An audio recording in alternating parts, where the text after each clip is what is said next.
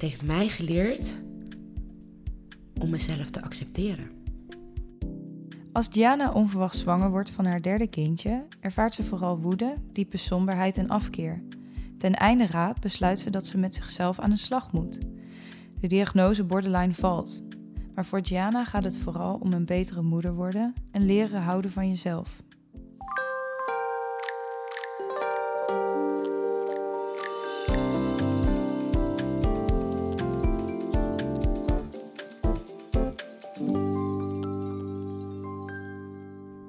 We zijn bij jou thuis in Rotterdam. Dat klopt. En toen ik hier binnenkwam, dacht ik van... Hebben we hier nou instortingsgevaar? Is er nou... Zit het plafond los? Want ik zie een gigantische paal in het midden van de woonkamer. Dat klopt ook. Maar dat is voor je hobby. Dat klopt, ja. Ik ehm, ben paaldanseres geweest. En ehm, daarna heb ik, ehm, of ben ik um, paaldansles eh, gaan geven. En de bedoeling is eigenlijk dat ik dat in eh, september weer oppak. En dat ik dus eh, les ga geven aan de dames. Dus je gaat het weer, je gaat het weer doen eigenlijk? Inderdaad, inderdaad. Ja, dat klopt. Het is jammer dat het een podcast is, dus we kunnen geen demonstratie laten zien.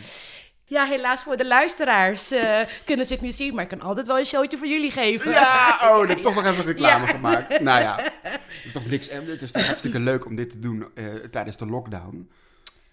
De podcast of paaldansen? paaldansen. nee, ja, wel, zeker wel, zeker wel. Het is ook een, uh, een beetje ontspanning voor mij. ja, dansen is echt wel mijn passie. Zeker weten, ja. En verder, ja, ik keek even rond. Uh, het ziet er hartstikke gezellig uit. Maar Dankjewel. ik denk vooral van, het lijkt wel een klaslokaal. Dat klopt compleet ook. met ja. schoolbord hier die hier staat.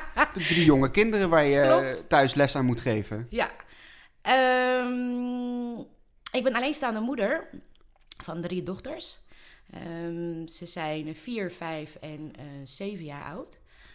Um, tijdens de eerste lockdown, uh, ja, zaten de oudste en de middelste nog in de kleuterklas.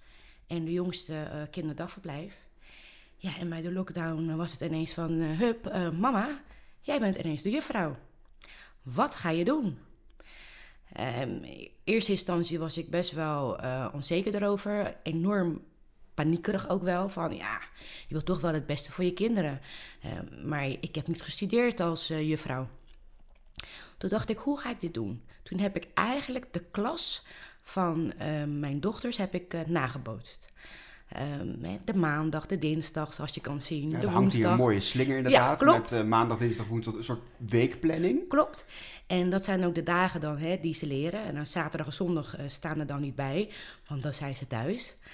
Um, nou, schoolbord, uh, die heeft eigenlijk mijn jongste dochter dit jaar gekregen voor de verjaardag. Dus die is later gekomen.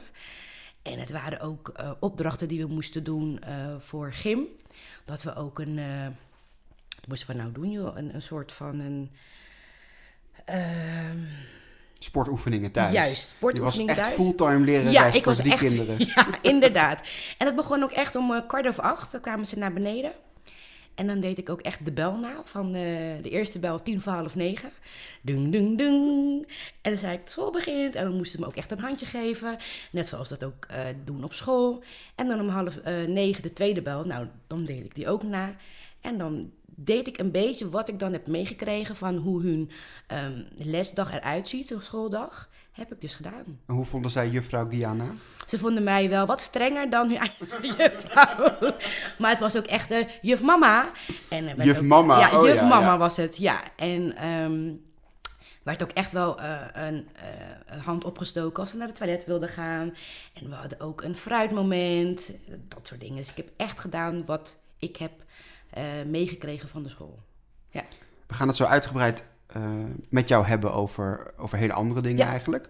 Over de problemen die je bent tegengekomen, over PTSS, over depressie uh, en ook over suicidaliteit. Hele serieuze onderwerpen. Ja. Maar ik ben toch eerst benieuwd, want um, ja, geboren en getogen in Rotterdam ben jij. Hè? Klopt, ik ben een echte Rotterdammert. Een echte Rotterdammer met ja, de thee. met de thee. Wat betekent de stad voor jou? Um, heel veel. Wat je zegt, ik ben hier uh, geboren, opgegroeid. En ik ben wel eens naar andere steden geweest, maar Rotterdam is toch echt thuis. zodra ik dan op de snelweg rij en ik zie dan al ehm, ehm, het gebouw van de Nationale Nederlanden, of ik rijd dan langs de ehm, Euromast, ja nee, het is echt thuis. Maar echt thuis is voor mij ook echt Sparta. En dat moet toch wel even gezegd worden. nou, bij deze waarvan akte? Dus uh, ja, mijn... Ik ben geboren, of nou ja, eigenlijk opgegroeid in uh, de buurt van Spangen. Eigenlijk Oud-Matenesse. Ja, en dat is toch vlakbij het kasteel. En, uh, het kasteel, je bedoelt natuurlijk... Echt, het kasteel. Het stadion, het van, stadion Sparta. van Sparta. Daar in de buurt ben ik opgegroeid en het was voor mij heel fijn. Um, maar ook wel heel moeilijk. ja, waarom? Ik begon eigenlijk uh, in Spangen. Daar um, ben ik echt opgegroeid tot mijn, ik denk, zesde jaar. En toen zijn we verhuisd naar Oud-Matenesse. waarom? Um, mijn vader die is overleden toen ik vijf jaar oud was. En dat heeft natuurlijk een enorme impact gehad op mijn leven, waarschijnlijk ook op mijn moeders leven. En um, toen is er een nieuwe man in ons leven gekomen, is mijn uh, huidige stiefvader. Wat ook echt mijn vader is geworden. Zo voelt dat ook. Zo voelt dat ook, zeker weten. Zeker weten, echt waar, ja. En um, waarschijnlijk hebben zij toen dan de beslissing genomen van... nou weet je, misschien een nieuw begin. We gaan verhuizen naar een andere wijk. Maar je noemt natuurlijk iets heel heftigs, hè? Je vader verliezen ja. op zo'n jonge leeftijd. Klopt. Ja, wat, wat heeft dat voor een impact gehad op jou? Heel veel. Um, keuzes die ik heb gemaakt in mijn leven. En dat voornamelijk um, de keuzes um, betreft mannen. ook keuzes uh, waarvan ik dacht van... Hmm, had ik beter misschien niet kunnen doen. En dat heeft dan echt meer te maken met... de impulsiviteit die er dan bij komt. Uh, het, het, verdriet die ik enorm had. Uh, het niet kunnen delen met een ander, het verdriet. Um, ja, je raakt daar een beetje, dat, dat, dat duw je weg. En doordat je je verdriet wegduwt en ook de angst, dan kan je best wel impulsief reageren, waardoor je dan ook wel verkeerde keuzes maakt. Dus door het wegvallen van je vader ja. ben je eigenlijk impulsiever gaan handelen en ja. voornamelijk naar mannen toe. Klopt. Zijn dat dan verkeerde mannen geweest in je leven? Laten we het zo zeggen. Um, ik heb van alle heb ik geleerd. Dat zeker. Dat zeker. Um, of een keuze nou goed of fout is, ja, dat is er eigenlijk niet. Want wat voor jou goed kan zijn, dat kan voor mij fout zijn. En wat voor jou fout kan zijn, kan voor mij goed zijn. Dus het is er niet. Het is een leerproces geweest. Het is echt een leerproces voor mij geweest, ja, inderdaad. Ja. Als je teruggaat naar je jeugd, kijk, je vader valt dan weg op zo'n jonge leeftijd. En, en uh, ja, je moeder heeft natuurlijk verdriet, jij hebt verdriet. Uh, hoe, was dan de, hoe waren dan die eerste jeugdjaren van jou? Ja, hoe waren mijn eerste jeugdjaren? Als ik nu tegen jou zou zeggen, dat kan ik je nu echt vertellen, dan lieg ik. Want om eerlijk te zijn, herinner ik me echt heel weinig ervan. Het enige wat echt wel overheerst, is verdriet. Van mijn jeugd, in, van mijn jeugdjaren. Dat enorm.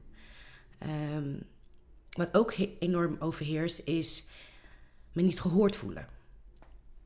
En ik probeer echt wel mijn best te doen nu om te denken van... hé, hey, wat is nou echt leuk? Wat, heb ik nou, wat kan ik me nog herinneren van vroeger? Ja, dus, dus dat ik misschien... Het is natuurlijk ook moeilijk. Want als je vijf bent, dan maak je ook niet zulke herinneringen aan die echt blijvend zijn. Klopt. Dus het is vooral het gevoel wat, wat overheerst. En dat is een, een gevoel van treurigheid. Ja, zeker weten. Had je wel goed contact met je moeder? Um, ik vind van niet. En um, dat heeft dan echt wel voornamelijk te maken met de situatie waar op dat moment in uh, verkeerde. Um, mijn moeder heeft er natuurlijk niet om gevraagd om op haar 27e weduwe uh, te worden. En, uh, dat is ook al heel jong. Dat is heel jong. Maar goed, ze wil toch verder met haar leven. En op dat moment um, was mijn overgrootmoeder, dus de oma van mijn moeder, die was bij ons. En die heeft eigenlijk, althans zo ervaar ik dat, um, mij grotendeels opgevoed. Omdat mijn moeder nog fulltime werkte op dat moment. Ja. En nog steeds. En ze werkt nog steeds En ze fulltime. weer, nou, volgens mij nu 32 uur. Zo. Ja. Ja. Dus de oma van jouw moeder, Klopt. hoe was die opvoeding dan? Ja, het was eigenlijk echt een, een oma-kleindochter opvoeding. Ik mocht alles. Dus heel liefdevol. Ja, heel liefdevol. Heel liefdevol. Ik mocht alles. Maar omdat ehm, mijn moeder waarschijnlijk een hele andere opvoeding in haar hoofd had, botste dat wel eens. Waardoor ik ook vaak te horen kreeg van, je bent brutaal, ehm, ehm, je bent rebels, je bent dit, je bent dat. Dus ik kreeg heel veel negativiteit over me heen. En ook heel veel angst. Heel veel. Ja. En dan bijvoorbeeld een angst van... als ik bijvoorbeeld eh, met een vijf naar huis eh, zou komen op een rapport. Dat durfde ik niet. Nee. Nee hoor. Ik was doodsbang. En was die angst dan terecht? Werd je moeder dan ook echt onredelijk boos op je als je met een vijf terugkwam? Ik kreeg het gevoel alsof dat niet getolereerd werd. Van je moet presteren, alleen maar presteren, presteren. Een soort van een druk voelde ik enorm op mij. Ja. Ja. En doordat ik dat heb meegemaakt in mijn jonge jaren, heb ik dat meegenomen tot waar ik vier jaar geleden was. Dat ik continu maar, continu maar moet presteren, presteren, presteren, ongeacht wat. Of je verdriet hebt of iets, doorgaan. Ja, want de jeugd vormt je natuurlijk in je latere leven. Hè? Klopt. We, we gaan het zo hebben over de problemen waar je tegenaan bent gelopen. Zou je zeggen dat die zijn ontstaan door je jeugd of in je jeugd? In zekere zin wel. Ja, in zekere zin wel. Ehm, als jij niet een goed eh, vangnet hebt, dan sta je er alleen voor. Je staat er alleen voor. Je moet zelf dingen ontdekken.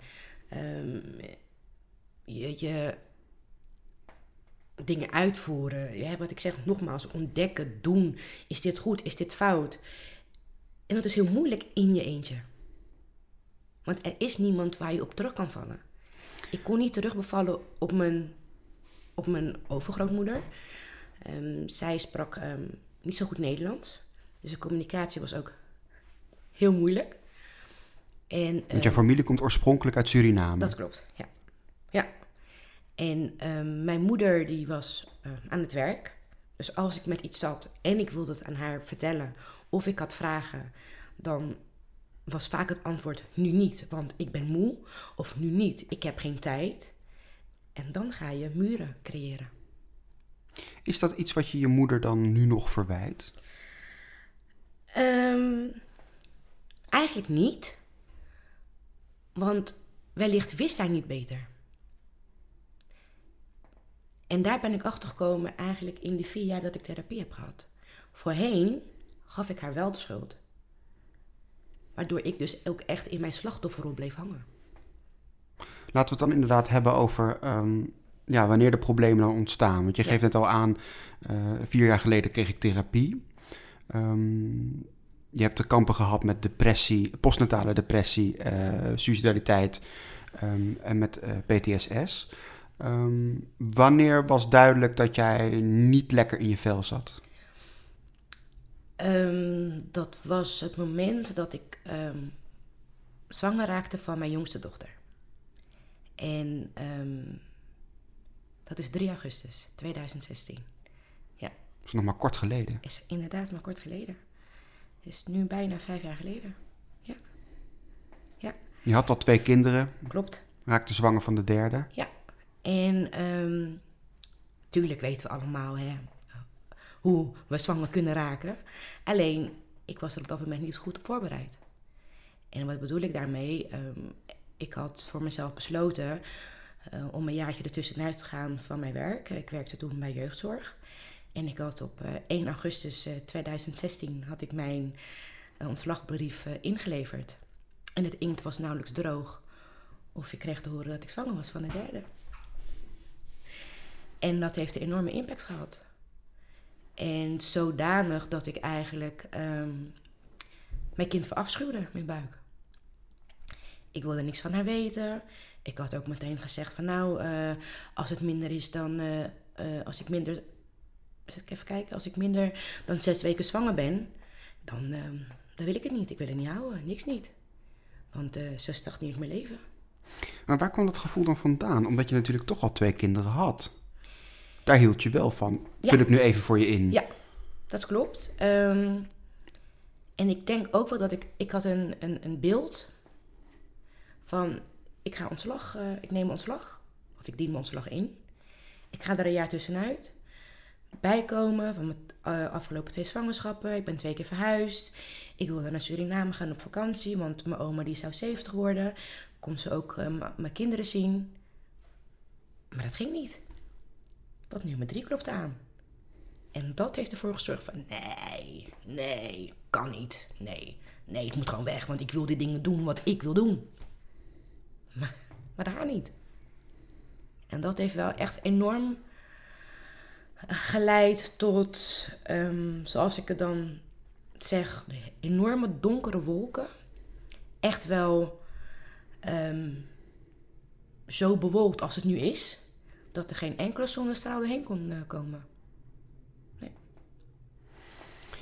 Het is wel heel heftig inderdaad, hè? Als je dat zo... Uh... Want waar kwamen die gevoelens, denk jij, vandaan? Is, het, is dat omdat het kindje goed in het eten gooide van je plannen, of zat daar meer achter? Op dat moment vond ik dat het kind roet uh, gooide in, me, ja, in het eten. In jouw plannen? Ja, in mijn plannen inderdaad, ja. Ja. En dat wilde ik eigenlijk zo snel mogelijk weggeruimd hebben. Maar dat kan niet, want ik speel met een leven.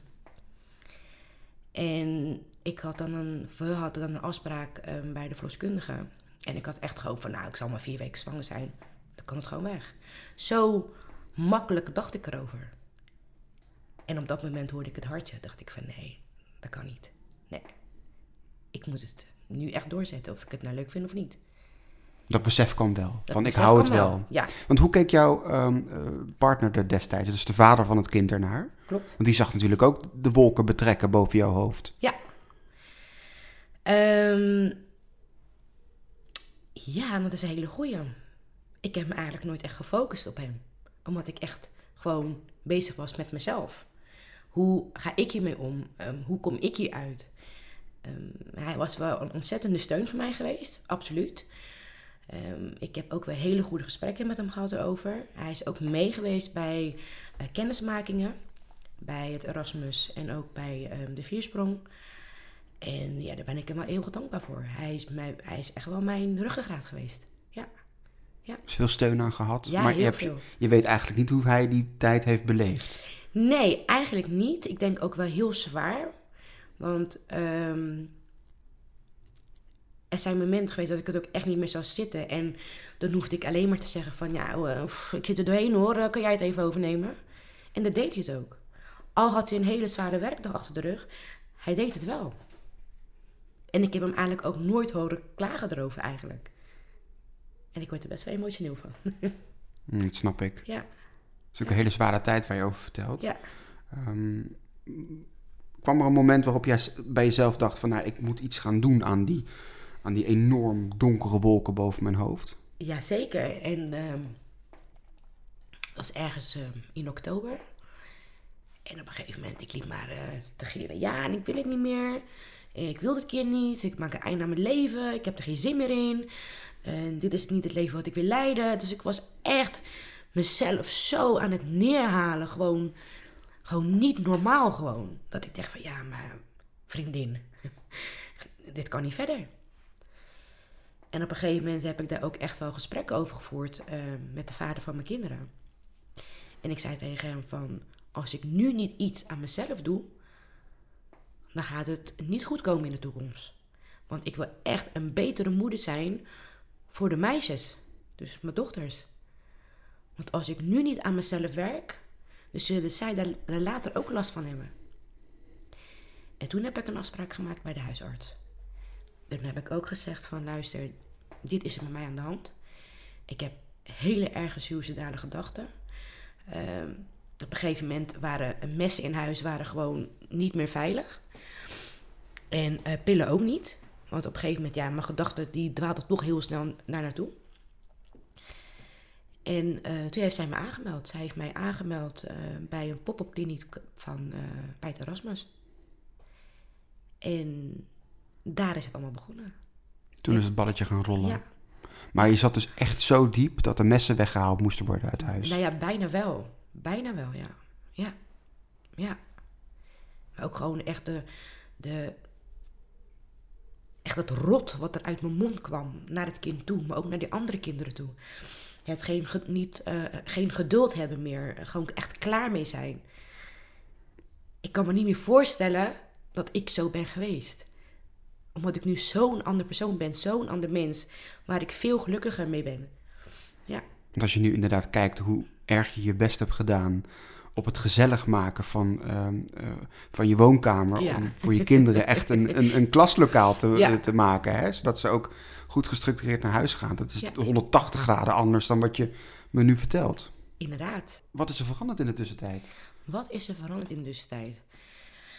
Ehm, nou, wat ik al vertelde, ik eh, ben toen aangemeld bij de pop-up kliniek bij het Erasmus MC. En ehm, dat was echt een speciaal kliniek voor eh, zwangeren met een depressie. En eh, daar ben ik ook echt goed geholpen. Ze hebben me goed begeleid. Eh, tot zeker een half jaar na mijn bevalling. Ik ben in april 2017 ben ik bevallen van eh, eh, de jongste. En dat ging ook niet echt eh, goed, want zij lag in een stuit. Oeh, dat is ook nog eens een hele lastige Ja, bevalling. Dus het was echt een zwangerschap van ja, min 100, om het even zo te zeggen. Ehm, voor, mij, voor mijn gevoel, ze was al niet gewenst. Ik wilde dit niet. Ehm, ik was al depressief. Er hingen al enorme donkere wolken. Plus nog een stuitligging. Dus ik had echt iets van, ah, really? Echt? Ja. Zat ik echt wel in zak en as. Ja. Ook na de bevalling nog?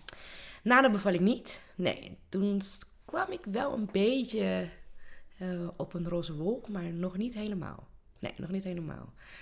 Ehm, nou, de bevalling was in ieder geval goed verlopen. Het, het was een natuurlijke bevalling. Het mocht niet, eh, het mocht niet met een keizersnee. En ja, wat ze ook deden, het was meteen natuurlijk hè, het kind op mijn borst zetten, terwijl ik dat had aangegeven niet wilde.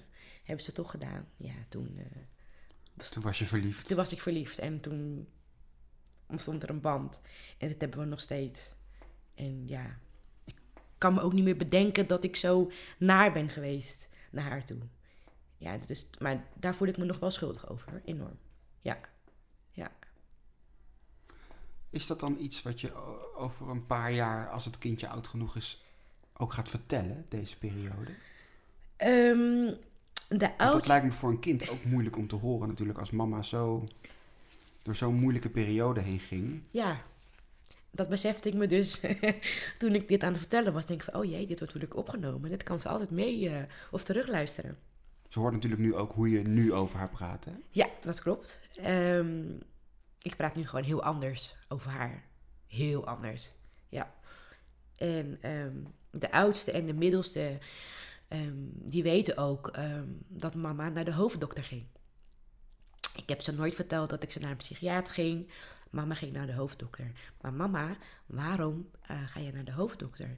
Ik zeg, nou, de dokter gaat me dan helpen om die hoofdpijnen die mama heeft weg te werken. Doordat ik veel moet gaan praten en luisteren. En zo heb ik ze dat uitgelegd. En zo zou ik ook mijn jongste dochter uitleggen van... hé, hey, ehm, mama eh, moest naar de hoofddokter. En dan soms, moet mama één keer, soms moet mama twee keer. Om beter te worden. Zodat ik een betere mama eh, ben geworden voor jullie. En dat is ehm, hoe ik het aan mijn dochter heb verteld. En de doorslag eigenlijk ehm, bij mij om daaruit te komen, ehm, is ook mede door het Erasmus MC. Ehm, wat ik al zei, na de bevalling hebben ze mij ehm, nog goed onder controle gehouden, om het zo te zeggen. Ze hebben me ook verteld van, nou, wij kunnen jou niet verder behandelen. Want waarschijnlijk de problemen die dan tijdens je zwangerschap naar boven zijn gekomen, dat komt ergens vandaan. En daar hebben ze me op getest. En daaruit is gebleken dat ik borderline met PTSS had. En het is natuurlijk ook logisch dat het Erasmus mij niet verder kon helpen, want ze waren daar niet in gespecialiseerd. Het is geen geestelijke gezondheidszorg. Precies. Dus toen therapie gaan volgen. Ja. Wat heb je daar dan geleerd? Wat jou nu zo hier laat zitten, zeg maar? Het heeft mij geleerd om mezelf te accepteren. Voor wie ik ben en eh, voor wie ik mag zijn. En dat ik er ook mag zijn. Ehm, mezelf niet wegcijferen. En dat deed ik heel erg. Ik vond het belangrijker om. ehm, hoe zou ik het zeggen? Ik vond de meningen van anderen belangrijker dan mijn eigen mening. Ik luisterde vaak meer naar anderen dan naar mezelf. Ik kon de beste adviezen geven aan een ander, maar ik paste niet, niet toe bij mezelf. En ehm, ja, ik ben nu zo'n gelukkig mens. Maar echt, ja, Ik zie je ook stralen. dankjewel. Maar borderline, dat is natuurlijk ehm, een diagnose. Ja. Ehm, waar kwam dat vandaan? Waar denk je dat dat vandaan kwam? Is dat enerzijds genetisch eh, met de opvoeding? Of heeft dat echt met de opvoeding te maken gehad? Met de dingen die je onderweg bent tegengekomen? Ik denk dat borderline meer iets is van ehm, dingen die onderweg, die ik onderweg ben tegengekomen, die onderweg gebeurd zijn. Dat vormt je ook als mens. En wat ik al zei, als jij niet een goed vangnet hebt, dan ga je muren bouwen. En het hangt er ook vanaf hoe dik je die muren gaat bouwen, hoe hoog. En dan kan jij als persoon, dus jij dus nu, bijna niet doorheen. En vind maar iemand die daar doorheen kan gaan. Vind maar iemand. En dat is heel moeilijk. Ik praat nu echt voor mezelf. Ehm, ik als borderliner ehm, kan heel goed met je praten. Over hoe ik toen was. Dan heb ik het over, ik kan heel goed oppervlakkig met je praten. Maar over hoe ik mij daadwerkelijk voel, wat achter die muren speelt, daar laat ik jou niet toe.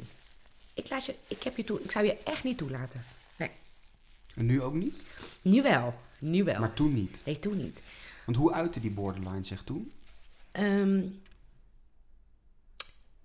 ik rende weg voor mijn eigen gevoelens. Wat deed ik? Ehm, ik zorgde liever voor andere mensen dan dat ik voor mezelf zorgde. Dus, een simpel voorbeeld, als er iemand jarig is, een van mijn dochters of de vader van mijn kinderen, joh, nodig me lekker iedereen uit. Ik ga lekker koken, geen probleem, joh, nee, lekker doen. Dus ik ga dan weg van mijn eigen gevoelens om een ander blij te maken.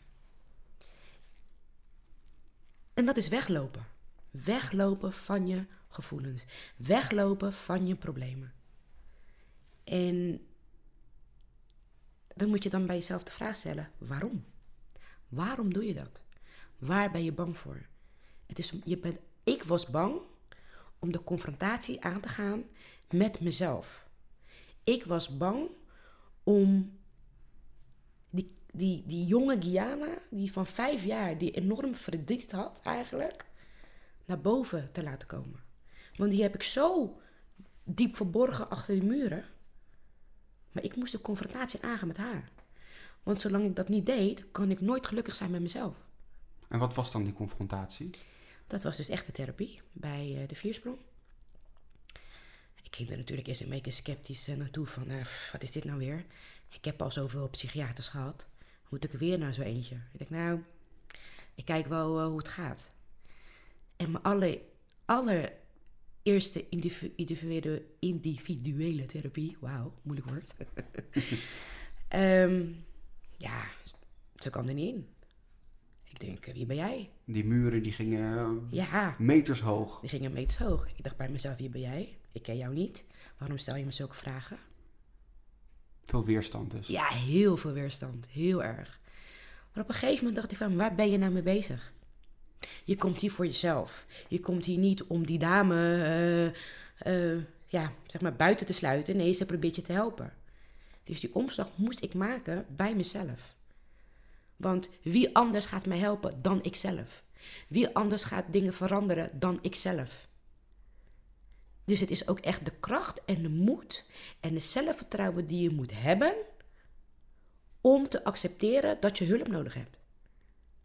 En vanaf dat moment, echt vanaf de eerste sessie, dacht ik van nee, ik ga hier voel tegenaan.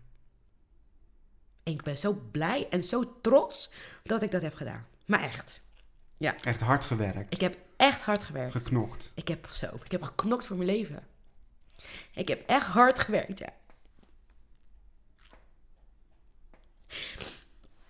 En het waren dan therapiedagen, soms van ehm, vier dagen in de week naar één dag in de week.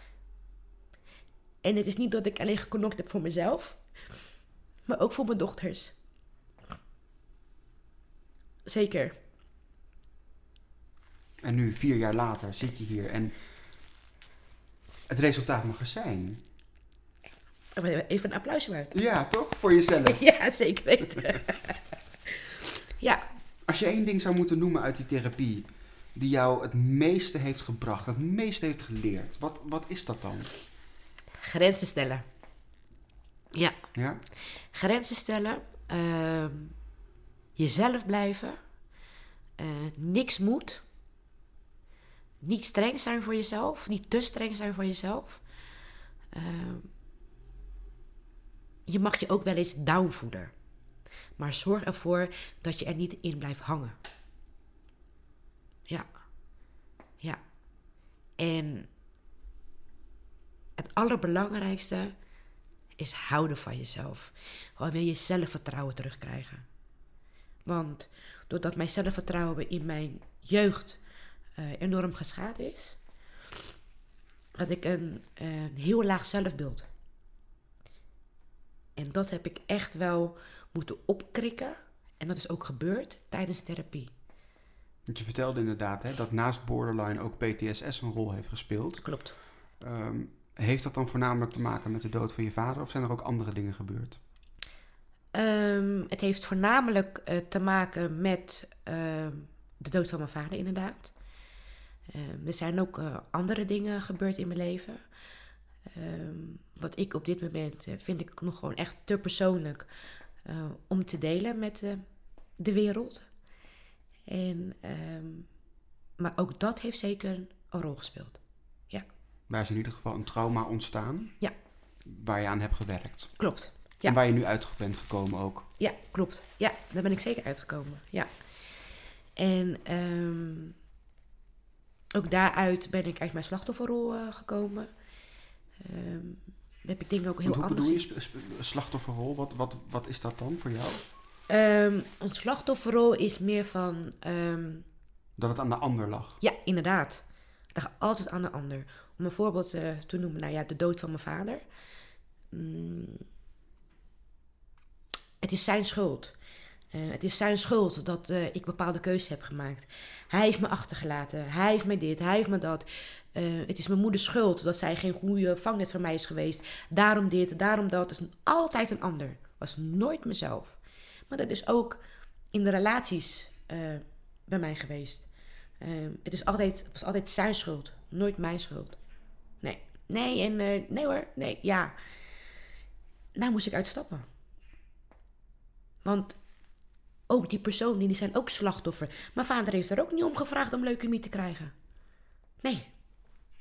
Hij had mij liever ook gewoon naar de altaar bijvoorbeeld uh, willen, willen meelopen. Maar dat, dat kan niet. Um, net als wat ik zei. Mijn moeder heeft er ook niet om gevraagd om haar 27e weduwe te zijn. Maar dat zijn allemaal inzichten die je nu hebt. Inderdaad, maar en, dat had ik toen echt en toen niet. niet. Nee, nee, dat had ik absoluut niet. Nee. Mijn, mijn beeld was ook echt gewoon zwart. Mijn denkwijze was ook echt zwart-wit. Grijs? Nee, nee, grijs bestond niet. Nee, nee. Als ik tegen jou zei, het is rood, de potlood. En jij zegt, nee, het is blauw. Nou, ik ging je echt wel overtuigen dat het rood is, hoor. Ja, ja. Zo secreet dus was ik wel. Zat echt, de borderline zat, je, borderline zat jou, zat, zeg ik dat goed, ja, hè? Zat ja. jou echt in de weg. Ja, heel erg. Hoe uit het zich dan nu nog, na vier jaar therapie? Um, het is niet iets wat zomaar weggaat. Nee, dat klopt. Nee, ik herken dingen veel sneller. En dat is het mooie van therapie. Um, het leert je handvaten te hebben in je leven. Van um, het behoedt je uh, voor impulsief gedrag. Het behoedt je van um, bepaalde triggers. Het mooie ervan is, is door die handvaten denk je, oh, je gaat het veel sneller herkennen. Van oké, okay, een goed voorbeeld. Hè, ik heb drie kinderen, ze zijn nog hartstikke jong. Ik kan een keer een slechte nacht hebben. Ik kan heel weinig hebben geslapen. Waardoor ik dan de volgende dag een kort lontje heb. En dan bij de eerste.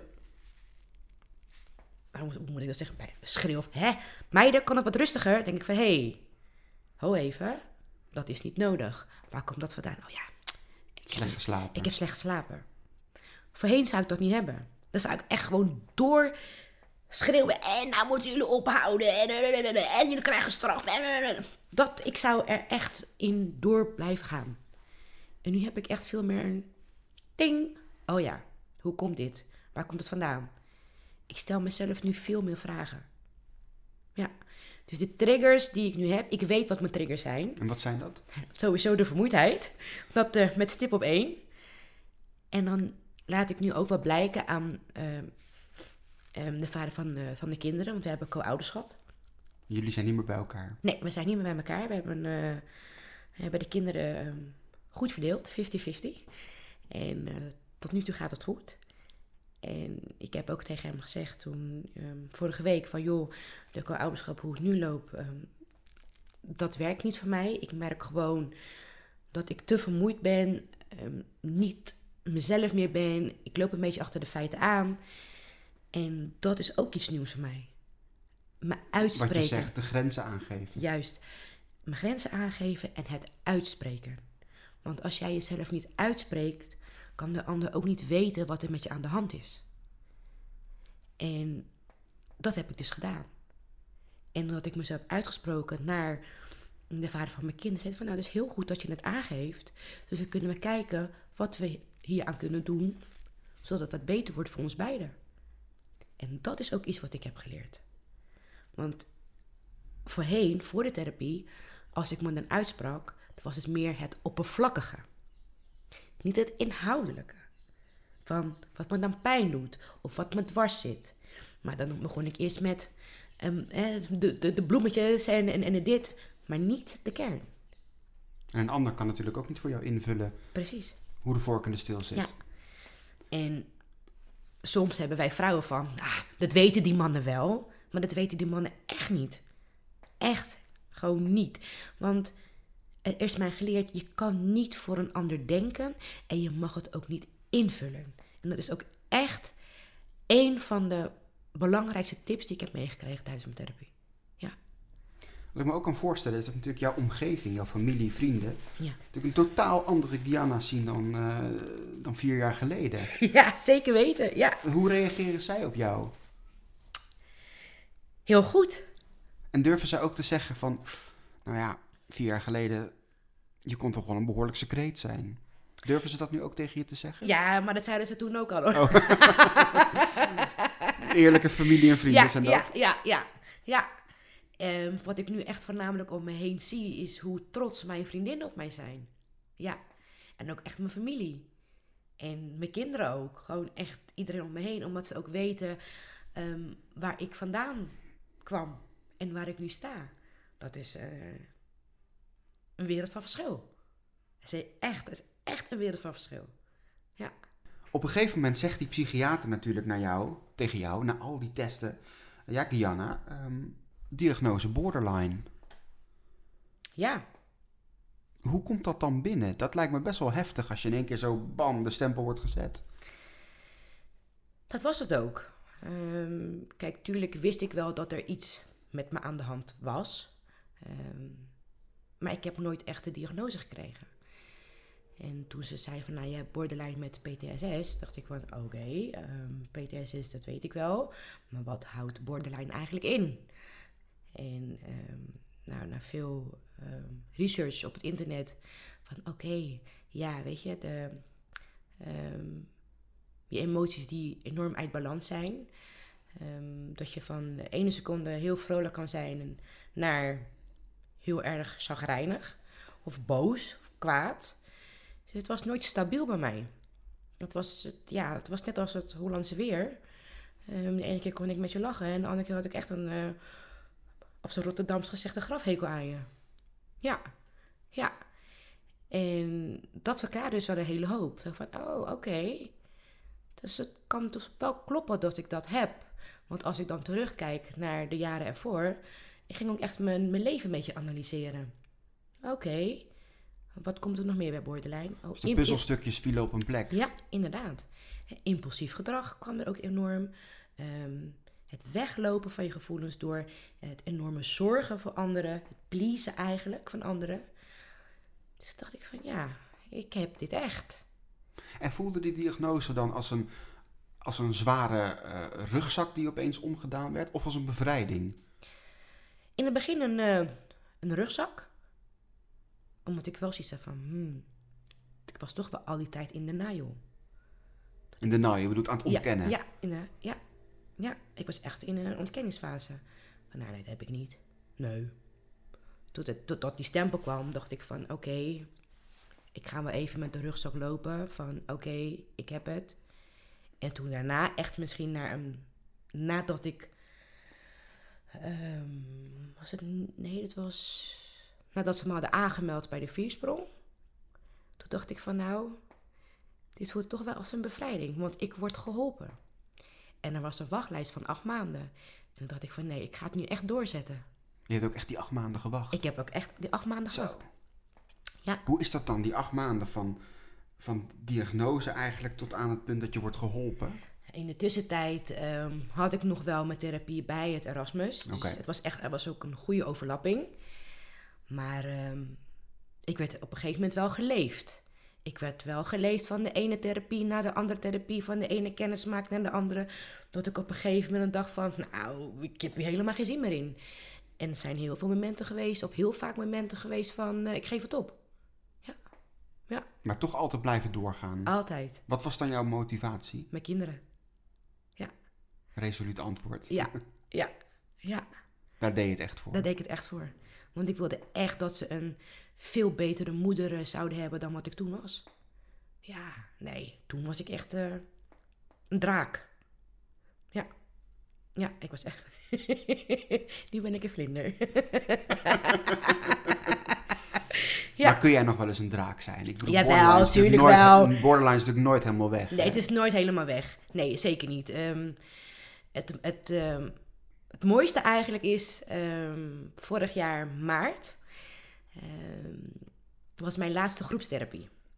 En ehm, veel groepsgenoten vonden, ja, het is veel te snel en het kan niet en eh, dit en dat. Toen zeg ik van, het kan wel. Ik zeg, en waarom kan het wel? Is omdat ik me ook echt 100% eh voor heb gegeven om beter te worden. En na een jaar therapie eigenlijk bij de viersprong... ehm, hoefde ik geen groepstherapie meer te volgen. Want ik heb eruit kunnen halen wat ik eruit wilde halen. En waren die anderen dan een klein beetje jaloers op jou dat je er zo snel doorheen ging? Een beetje wel. Dat, dat is wel het gevoel wat ik kreeg. Ja. Ja. Zeker. Als ik er nu aan terugdenk, zeker ja. Kijk, borderline heeft natuurlijk ook een bepaald stigma om zich heen hangen. Hè? Ja. Eh, mensen met borderline worden misschien gezien als, eh, als manipulatief. Ja, klopt. Mensen die aantrekken en gauw weer afstoten. Ja. Wat merk jij van dat stigma? Mm. Nu ik mentaal gezond verklaard ben, ehm, merk ik wel dat bepaalde, ehm, ehm, ja, hoe zeg ik dat? eh, borderline dingetjes, zo noem ik ze maar even. Eh, die komen wel naar voren. Denk ik van ja, nee hoor, je komt er nu niet doorheen. Dus ik herken het heel snel. Eh, Het gedrag bij jezelf. het gedrag bij mezelf. Dat impulsieve, eh, dat, dat wegrennen. Dat, denk ik van ja, maar waarom doe ik dat nou? Eh, Waarom ga ik nou weer wegrennen? Waarom? Weet je, waar ben ik nou zo bang voor? Dus dan neem ik ook echt mijn tijd van... Ga nu maar even thuis zitten. Ga de confrontatie aan met jezelf. En ga goed nadenken waarom jij je zo voelt. En dan ben ik dan misschien wel streng voor mezelf. Het mag ook wel even, niet altijd. Maar dan kan je ook weer verder. Dan kan je gewoon de confrontatie aan met jezelf. Van ja, hoe komt het dat ik de afgelopen weken zo heb gereageerd tegenover die kinderen? Hoe komt het dat eh, dit is gebeurd? Of hoe komt het dat ik dit heb gedaan? Het is niet erg om eh, stil te staan bij jezelf. Bij de gebeurtenissen waar je je niet lekker bij voelt. Ehm, wat je zegt, hè. ehm, borderline is natuurlijk hè, dat manipulie... Maar nu... Zo, Moeilijk kom- woord, manipulatief. Moeilijk, ja, precies, ja. precies dat. Ehm, dat, dat. zullen met bepaalde dingen nog steeds wel gebeuren. Ja? En nu gewoon heel simpel. Als ik geen zin heb op, om, uh, om auto te rijden of zo, dan uh, vraag ik van, kan iemand me brengen? Weet je wel, dat soort dingen. Dat ja, zit er nog wel in. Dat zit er nog bij in. maar dat is, dan, dat is dan wel heel anders. Weet je, dan, ja, dat is niet meer zoals vroeger. Kijk, nu is het van, ah, um, wie is er nu bij de, bij de Dirk? Kan iemand van mij even een siroop meenemen voor de, de kinderen? Ja, dat soort dingen. Het, zijn, het is op een leuke manier nu. Niet meer zo als het vroeger was. Echt gewoon heel naar. Ja, echt naar. Maar ik, ik wil je echt een voorbeeld geven nu, want ik zie het aan je ogen van, wat bedoel je dan? Ja, kom op met een voorbeeld. maar ik kom er niet echt op. Ik zit echt na te denken van, wat zou ik dan gedaan hebben? Weet je wel, vroeger. Vroeger, dat is echt vijf jaar geleden. Als je je zin wilde hebben. Ja, ja.